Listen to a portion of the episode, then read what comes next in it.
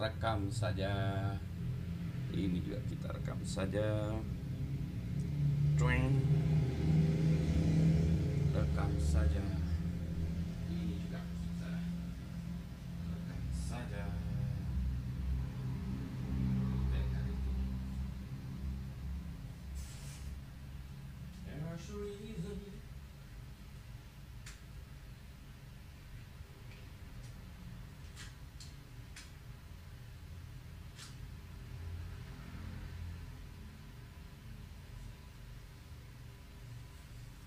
Testing, ya. Satu, dua, tiga, cereng. Selamat pagi, assalamualaikum warahmatullahi wabarakatuh. Berjumpa kembali dengan Budi Raharjo di Padepokan Budi Raharjo. Kali ini masih tetap urusan ngopi dan buku. Ntar lihat. Kopi luweng hari ini. Eh, kopinya ada di meja sana. Harus ngopi dulu. Nah, masih tetap urusan beres-beres buku banyak sekali. Soalnya bukunya dua koper, bener beneran dua koper itu ngangkat ngangkat kopernya aja nggak eh, nggak nggak sanggup. Ini buku yang saya bawa dari luar negeri. Jadi kalau orang dari luar negeri ke Indonesia balik dari ini ya bawa bawa apa? Barang-barang elektronik atau apa? Saya bawa, bawa buku. zaman dulu zaman dulu kalau tahu udah ada internet kayak gini mungkin nggak akan bawa, bawa buku, tinggal download PDF-nya aja ya. Tapi ini adalah buku-buku yang klasik. Nah, satu-satu dulu ya. Ini sayang ada uh, covernya. Ini uh, jadi nggak terlalu kelihatan. Computers and the Information Society oleh Richard Rosenberg. Uh, Richard Rosenberg. Jadi ini adalah buku uh, pelajaran tentang kalau kita bilang digital literasi ya, Information Society itu apa saja. Ini ketika saya pertama kali datang ke Kanada bersekolah. Jadi uh, kami waktu itu datang masuk dulu uh, kayak ini ya uh, summer school dulu lah ya untuk pengenalan situasi kultur. Karena uh, ini baru ya dari Indonesia ke luar negeri ya ke Kanada terus kita disekolahkan dulu selama summer itu. Nah diajari di uh, di Vancouver ini di uh, UBC ya di UBC kami belajar ini kuliahnya dari profesornya sendiri pengarangnya. Ya uh, dari profesornya ini Profesor Rosenberg. Ini dia uh, menceritakan tentang apa information society itu apa gitu ya. Karena uh, bidang kami waktu itu uh, macam-macam ya, bukan hanya bukan hanya bidang komputer, ya ada komputer science, komputer segala macam, tapi IT related. Nanti berikutnya lagi ada gerombolan baru lagi bidang sipil dan seterusnya. Ini jadi satu buku tentang information society. Nah, di sisi lain ketika saya sudah di Indonesia ngajar ngajar tentang ini ya IT pengantar teknologi ini kepada mahasiswa ITB kami bukunya beda karena lebih baru lagi ya.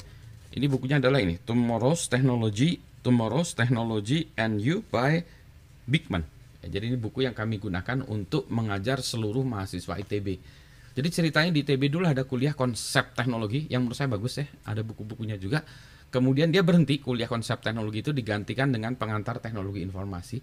Sekarang ini juga udah berhenti digantikan dengan saya nggak tahu apa lagi saya udah nggak ngajar kuliah itu lagi. Jadi pengantar teknologi informasi. Dengan kata lain gini, bahwa teknologi informasi itu dibutuhkan sekarang sama seperti matematik ya, matematik ya, matematik kan kalau ini uh, mafiki kalau di ini ya, matematik, fisika, kimia, biologi ya, itu sebagai foundation dari berbagai keilmuan. Nah ini juga gitu teknologi informasi menjadi satunya. Jadi orang ada apa supaya literate terhadap teknologi. Nih ya. Ini saya ngajar nih oh, luar luar biasa. Tapi problemnya adalah dengan ini tuh adalah uh, dia uh, cepat obsolete ya. Ini ini ini bukunya bagus ya, berwarna-warni ya. Uh, bagus ya. Tapi cepat obsolete. Jadi misalnya di sini belum ada Twitter gitu aja. Twitter aja bang belum ada. Apalagi TikTok nggak ada. Ya di sini media sosial juga terbatas ya. Gitu ya tapi ini udah lumayan lah ya. Itu nah kemudian bukunya ada lagi-lagi ada yang lebih susah-susah lagi. Ini ada buku higher order logic. Nah ini and, and theorem proving and its application ini susah lah ya ini nggak usah lah ya. Ini juga saya ambil hanya satu paper aja dari sini karena ini susah sekali bacanya uh, learning Lisp. Ah, ini ini uh, buku singkat aja ya. Hmm, bahasa pemrograman functional language. Lisp. Ah, itu saya ada yang Peter Norvignya ada gitu ya. Terus nah, ini yang menarik ini. Introduction to Electroacoustic Music. Nah, ini uh, saya senangkan ya elektronik musik ya. Ini luar biasa bukunya. Nanti uh, saya memang berencana untuk membuat seri tentang uh, musik ya. Musik ini ini ini salah satu bukunya. Itu saya ngajakin Iman ya, Iman Fatah. Uh, untuk membuat teori-teori uh, tentang musik, what sound, segala macam musik, segala macam. Dulu karena saya ngambil kuliah komputer musik ini. Kalau ini buku karangan kami, pandangan Pak berempat ya. Pak Dimitri Mahayana, Pak Ari AA, Pak Khairul Umah, dan saya sendiri. Review dan survei teknologi informasi. Jadi kumpulan buku gitu. Nah, sekarang yang menarik, menariknya lagi ya. Menariknya, nah ini buku-buku yang menarik. Ini buku klasik. Buku klasik namanya Insanely Great. Jadi ini buku membahas tentang Macintosh ya. The Life and Times of Macintosh in the Computer That Changed Everything by Stephen Levy. Ini Stephen Levy ini pengarang buku bagus banget. Ada satu lagi bukunya tentang kriptografi ya, kripto nanti saya tunjukkan juga dibahas juga di sini. Uh, tapi uh, dia tuh jurnalis ya. Ini bukunya mengantarkan ini buku klasik waktu itu, buku luar biasa ya.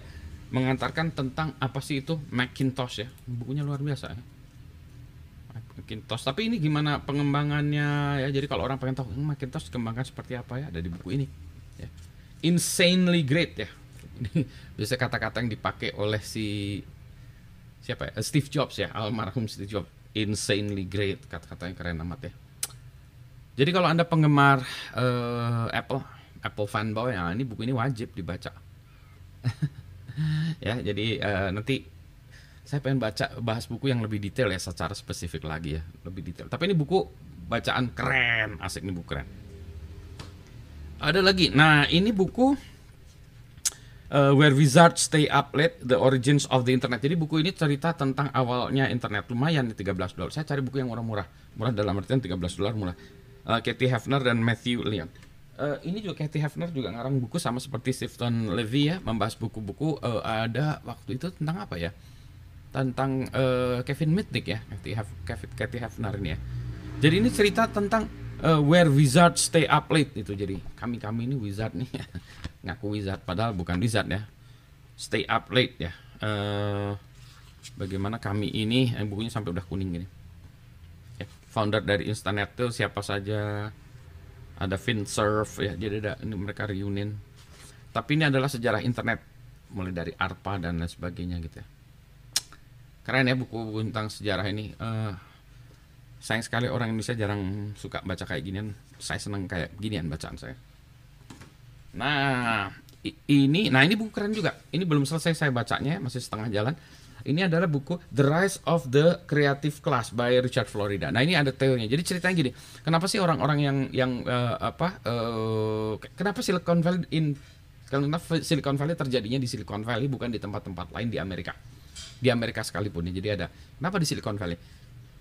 orang-orang sejenis itu ngumpul di tempat sejenis. Mungkin orang-orang yang kreatif kelas itu disebutnya kreatif kelas itu ngumpul di situ.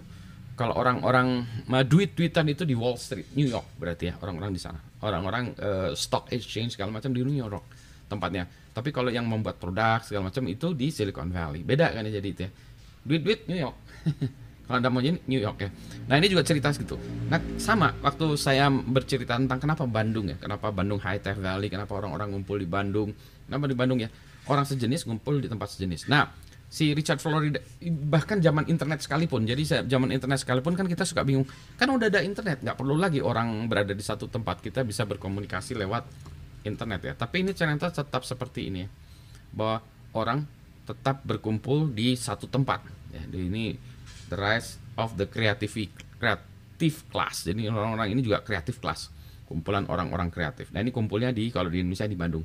Itu klaim saya. Tapi pada kenyataannya demikian. Lihat aja. Bandung itu kan kota kreatif, desain, kota desain, kota teknologi, kota F&B, fashion, segala macam. Cuma saya kawasan karena karena ini masih pagi ini jadi kawasan dulu kan ya, belum siap-siap apa-apa. Ini juga nanti kapan-kapan saya bahas dengan dalam konteks tentang Bandung High Tech Valley. Nah, yang ini sebetulnya uh, cerita yang keren juga ya. Ini Dealers of Lightning Xerox Park and the Dawn of the Computer Age. Ini sebetulnya saya sekarang lagi proses membahas uh, tentang trend sensing. Apa yang terjadi perusahaan mendeteksi tren segala macam. Ini salah satu contoh yang digunakan itu adalah Xerox. Xerox kan kenapa Xerox? Xerox adalah perusahaan fotokopi ya. Tapi pada perusahaan fotokopi ini dia punya yang namanya Palo Alto Research Center. PARC itu Palo Alto Research Center. Tempatnya di mana? Di Palo Alto di Silicon Valley. Nah, di sana itu mereka eh, mengembangkan teknologi-teknologi hebat. Tapi karena ini perusahaan eh, apa ya perusahaan fotokopi dan dia juga punya pasar yang hebat, maka dia me, me, apa, me, ignore ya, me, me, mengabai atau cuek terhadap teknologi tersebut. Teknologinya apa contohnya? Contohnya adalah networking, uh, graphical user interface, uh, laser printer tuh nanti ya Objective C segala macam networking segala macam, pokoknya ketemunya di sana semua itu baru quote unquote ditemukan ketika Steve Jobs dan uh, gerombolannya dari Mac datang sana, eh dari Apple datang sana.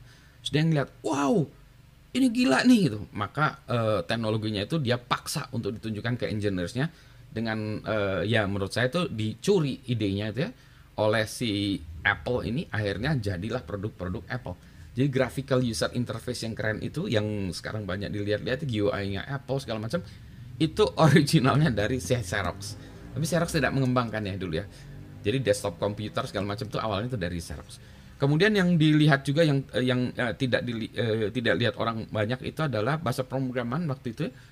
Kalau orang bilang small talk, Objective C segala macam itu uh, ini mulainya dari sini ya Xerox juga. Jadi object oriented programming mulainya dari Xerox. Kemudian networking, networking. Kalau kita bicara karena komputer networking di internet semua macam-macam ya.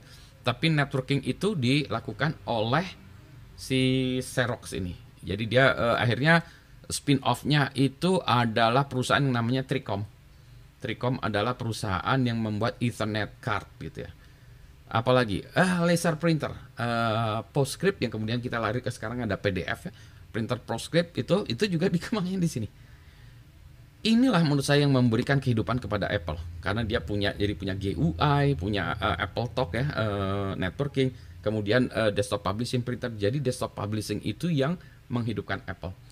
Apple sendiri mengira tadinya itu productivity ya, uh, ini ya word processor segala macam gitu-gitu. Ternyata yang menghebatkan ini adalah desktop publishing. Jadi orang-orang nggak sadar, Hah, begitu printer uh, laser jet itu keluar, wah keren amat ya waktu itu orang ternganga-nganga dengan itu. Makanya waktu itu orang graphic designer segala macam larinya ke apa? Macintosh. UI-nya hebat, uh, eh, GUI hebatnya di aplikasinya printernya keren. Jadi ini adalah uh, tapi apa yang terjadi? Itulah ya uh, trend sensing and acting on it. On it. Oke. Baiklah itu selamat pagi. Assalamualaikum warahmatullahi wabarakatuh. Sudah panjang ya saya ngopi dulu. Habis ini saya harus membuat ini dulu materi tentang ini trend sensing dan whatever happened to this company. kapan-kapan ke Palo Alto ya